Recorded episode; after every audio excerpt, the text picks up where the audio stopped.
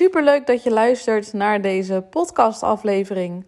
Ik merk dat ik het super spannend vind om deze aflevering op te nemen, omdat ik absoluut niet wil opscheppen. Het onderwerp van deze aflevering is natuurlijk een tonnenbedrijf in drie dagen per week. En dat is op dit moment mijn realiteit.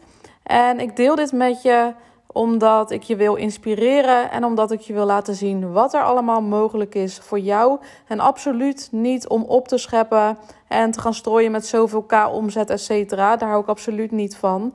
Maar dit is wel gewoon op dit moment mijn realiteit. Ik zet meerdere tonnen per jaar om in drie dagen per week werken. En in deze aflevering wil ik met je delen hoe ik dat voor elkaar heb gekregen. Want dat is natuurlijk niet zomaar gebeurd. Uh, daar gaat een hele reis aan vooraf. Ik ben inmiddels uh, al bijna tien jaar ondernemer op het moment van opnemen van deze podcast. Dus ja, er is wel een flinke reis aan vooraf gegaan. En daar wil ik uh, meer over delen. En ik wil je ook vertellen hoe ik nu mijn bedrijf heb ingericht. Om ervoor te zorgen dat ik maar drie dagen per week hoef te werken. Nou, eind 2020, op Oudjaarsdag, um, kwam ik erachter dat ik zwanger was. En ja, dat heeft er wel voor gezorgd dat alles een beetje in een uh, sneltreinvaart is gebeurd. Want ik wist, ik ben nu zwanger en over negen maanden is die baby er. En dan wil ik wel dat mijn bedrijf gewoon door kan lopen op de dagen dat ik mamadag heb. Want ik wilde drie dagen per week gaan werken. Uh, mijn vriend werkt vier dagen per week. En uh, ja, de baby gaat één dag per week naar de kinderopvang. En daarnaast nog uh, één à twee dagen naar opa's en oma's. Dus zo hebben we dat op dit moment ingericht. En ehm, ik werk zelf drie dagen per week. Ik wist ook van ja, ik ben nu zwanger en er komt een moment dat ik met zwangerschapsverlof ga. Want in juli 2021 zou ik met zwangerschapsverlof gaan, want ik was in september uitgerekend. Dus ik ging bij 34 weken met zwangerschapsverlof. En dat betekent dat ik in die periode gewoon helemaal niet wilde werken. En ik had uiteindelijk tot december 2021 zwangerschapsverlof. Dus dat zijn best wel wat maanden waarin ik niet aan het werk was. Maar ik wilde wel dat mijn bedrijf gewoon door zou lopen. Dus ja, welke stappen heb ik nu gezet om dat voor elkaar te krijgen? Nou, voordat ik zwanger werd, um, toen had ik al langere tijd het plan om uh, minder in mijn bedrijf te werken. Dus ik was al wel bezig met het uitbesteden van bepaalde taken zodat ik me echt kon richten op de dingen waar ik energie van krijg en waar ik zelf goed in ben. Dus ik heb bijvoorbeeld al hele lange tijd een boekhouder die voor mij de boekhouding doet. Um, ik heb ook al langere tijd iemand uh, die voor mij de salesgesprekken voert. Want zelf heb ik echt een hekel aan het voeren van salesgesprekken. Um, ja, daarnaast heb ik bijvoorbeeld ook nog een VA die vragen beantwoordt van klanten.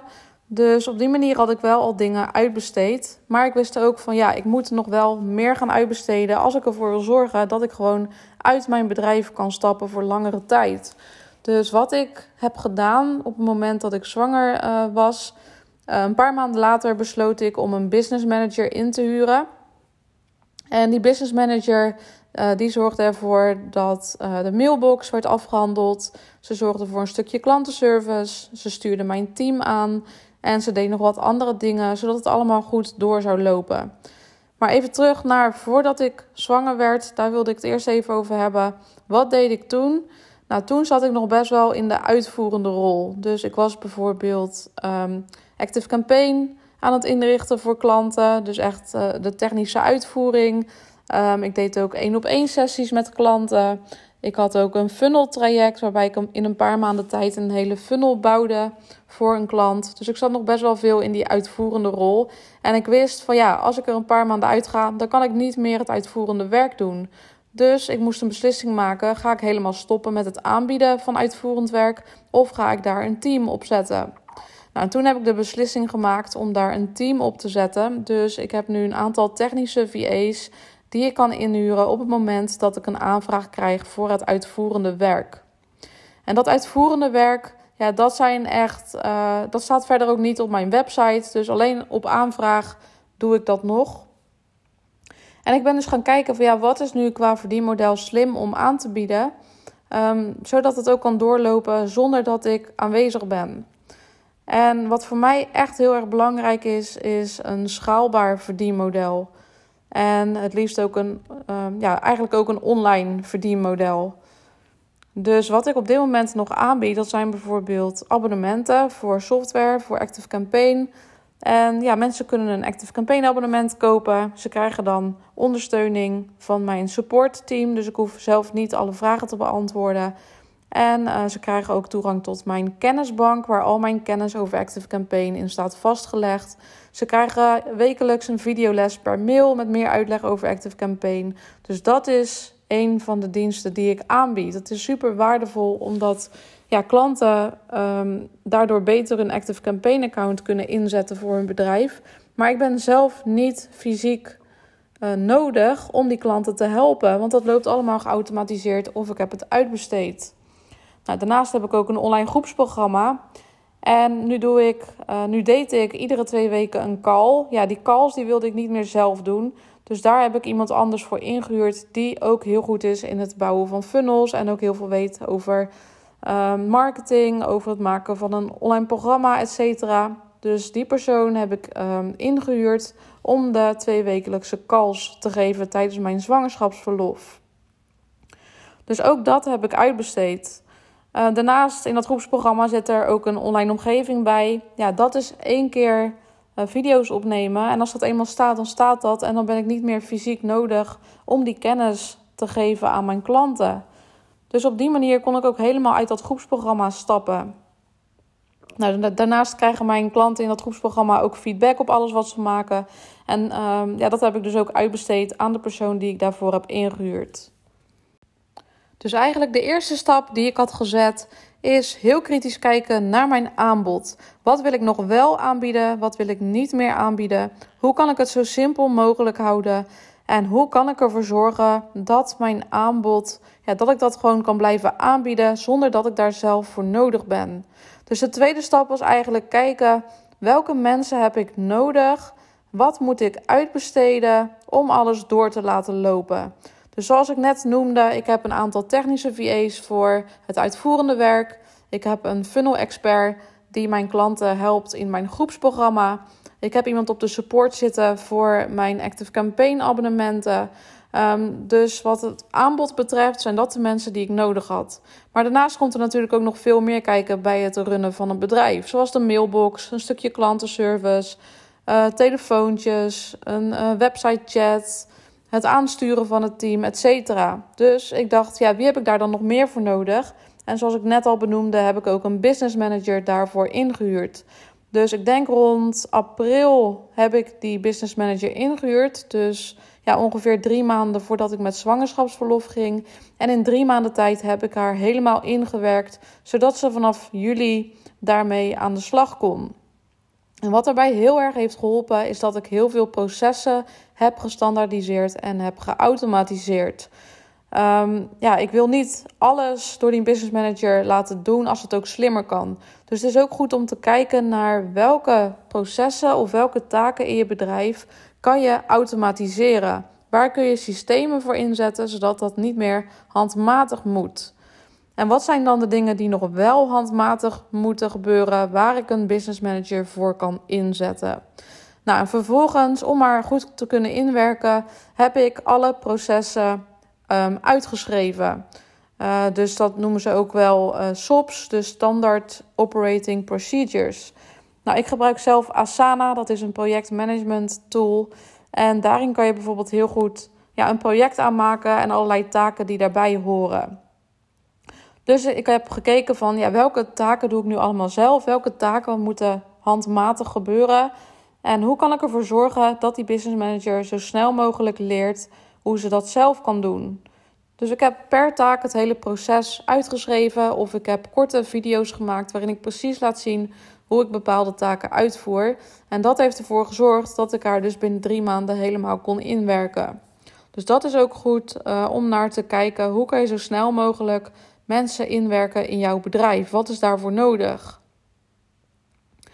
Nou, daarnaast heb ik ook de sales uitbesteed. Dat deed ik al een tijdje, maar diegene die was daar toen mee gestopt. Dus ik was toen weer op zoek naar een andere salespartij. Want ja, als ik met zwangerschapsverlof ga, dan moeten er ook salesgesprekken worden gevoerd om nieuwe klanten te, te kunnen krijgen. Um, dus ik heb gekeken welke salespartij kan ik daarvoor inhuren. En daar ben ik toen ook al voor mijn zwangerschapsverlof mee begonnen om te kijken hoe dat zou gaan. En dat is toen op die manier ook ehm, gelukt om dat ook uit te besteden. Daarnaast heb ik ook gekeken naar mijn marketing systeem. Want ja, op het moment dat ik zelf niet werk, hoe ga ik er dan wel voor zorgen uh, dat ik nieuwe potentiële klanten aantrek en dat ik ze ook ga converteren naar klant? En ik heb daarbij vooral gekeken naar wat al jaren goed voor mij werkt. Dus wat er echt nodig is om van een onbekende een klant te maken. En wat er voor mij al jaren goed werkt, is een automatisch marketing systeem. Het wordt ook wel een funnel genoemd. Dus mensen komen mij tegen via een advertentie op social media. Ik kreeg me vooral op Facebook en Instagram advertenties. Ze vragen een gratis weggever aan, zoals een gratis e-book of een gratis stappenplan. Of ze volgen een gratis webinar. Um, en van daaruit ga ik ze verder opwarmen via e-mailmarketing. Dus ik stuur ze een aantal waardevolle e-mails, inspirerende e-mails. Um, ik gebruik storytelling, ik deel persoonlijke verhalen. Ik laat reviews zien van klanten, et cetera. En uiteindelijk heb je een bepaalde verkoopmethode in die funnel. Dat kan zijn dat je mensen uitnodigt voor een gesprek. Um, je kan een webinar geven. Uh, je kan ook rechtstreeks verkopen via je website, via een verkooppagina. En dat is dus een heel automatisch communicatieproces om van een onbekende een klant te maken. Dus ik heb gekeken, ja, wat werkt al jaren goed voor mij? Nou, dat is dat systeem, een automatisch marketing systeem. Dus daar ben ik volledig op gaan inzetten. Dus wat er voor nodig is, is dat er continu advertenties moeten draaien om die nieuwe mensen aan te trekken. Dan komen ze in mijn funnel en dan converteer ik ze naar klant via die verkoopgesprekken voornamelijk. En daar had ik dan die salespartij voor die die uh, verkoopgesprekken deed. En ik heb ook gekeken naar waar kan ik mee stoppen en wat is er absoluut niet nodig. Nou, dat is bijvoorbeeld het uh, plaatsen van social media berichten. Dus het organische gedeelte van marketing. Dus daarmee bedoel ik dat je gratis berichten kan plaatsen op je social media kanalen. Nou, dat werkt voor mij niet goed. Het kost me heel erg veel tijd. Het levert me weinig op. Dus daar ben ik niet op gaan inzetten. Dat heb ik gewoon even links laten liggen. Sterker nog, ik ben nu helemaal gestopt met Instagram. Dus ik post daar niet meer. Omdat het gewoon simpelweg niet voor mij werkt. Dus daar zou je ook keuzes in moeten maken. Dus zorg voor focus en ga meer doen van wat wel werkt. Dus waar kan je nu 100% op inzetten waarvan je weet dat het werkt en waar kun je mee stoppen? Want ook stoppen is super belangrijk zodat je die focus behoudt. Je hoeft niet alles te doen. Je hoeft niet en blogartikelen te schrijven en uh, te posten op LinkedIn, Instagram en Facebook en een podcast te hebben en op YouTube aanwezig te zijn. Dat is echt allemaal niet nodig. Houd je marketingstrategie heel simpel. Kijk waar jij blij van wordt, waar jij goed in bent, hoe jij je boodschap het beste kunt overbrengen en ga daar dan volledig op inzetten. En houd het ook zo simpel mogelijk. Je hoeft het niet complex te maken. Dus om even samen te vatten, wat heb ik nu precies gedaan om ervoor te zorgen dat ik een tonnenbedrijf kan runnen in drie dagen per week? Dat zijn eigenlijk drie stappen: elimineren, automatiseren en delegeren. Dus stap 1, elimineren. Ga kijken wat voor jou goed werkt. Ga daar meer van doen. En elimineer wat absoluut niet nodig is en wat jou niks oplevert. Stap 2, automatiseren. Wat kun je allemaal automatiseren? Zowel de processen in jouw bedrijf. Wat kun je daarvan automatiseren? Denk aan het sturen van facturen. Uh, denk aan uh, betalingen die je bijvoorbeeld via je website kunt aanbieden. Um, denk aan bepaalde taken die je kunt inplannen, et cetera. Maar ook qua marketing. Wat kun je qua marketing automatiseren? En dan de derde stap is delegeren. Dus alles wat je niet kunt automatiseren en wat je ook niet kunt elimineren, dat wil je delegeren naar andere mensen. Dus bouw ook een team om je heen, zodat jij je kunt focussen op waar jij het allerbeste in bent en waar jij de meeste energie van krijgt. En wat wel door jou uitgevoerd moet worden. Dus dat zijn eigenlijk in de basis de drie stappen om ervoor te zorgen dat je meer vrijheid krijgt in je bedrijf, dat je minder kunt gaan werken. En als toevoeging eigenlijk ook nog twee dingen. Zorg voor een schaalbaar aanbod, zodat je niet tegen een inkomstenplafond aanloopt, maar zodat je dus meerdere klanten tegelijkertijd kunt helpen zonder dat het jou meer tijd kost. En ten tweede, zorg voor focus en zorg voor een simpel bedrijf. Want hoe simpeler jouw bedrijf, ja, hoe makkelijker het is om dat bedrijf te runnen. En uh, zorg voor focus. Dus ga niet allerlei dingen tegelijkertijd doen, maar focus je op één ding, focus je op één strategie en word daar de allerbeste in. Mocht je nu meer willen weten over wat er voor jou mogelijk is en hoe jij ervoor kan zorgen dat je meer vrijheid ervaart in je bedrijf, misschien wil je ook wel drie dagen gaan werken omdat je kinderen hebt of je wilt meer gaan reizen, dan nodig ik je heel graag uit voor een gratis Discovery Call.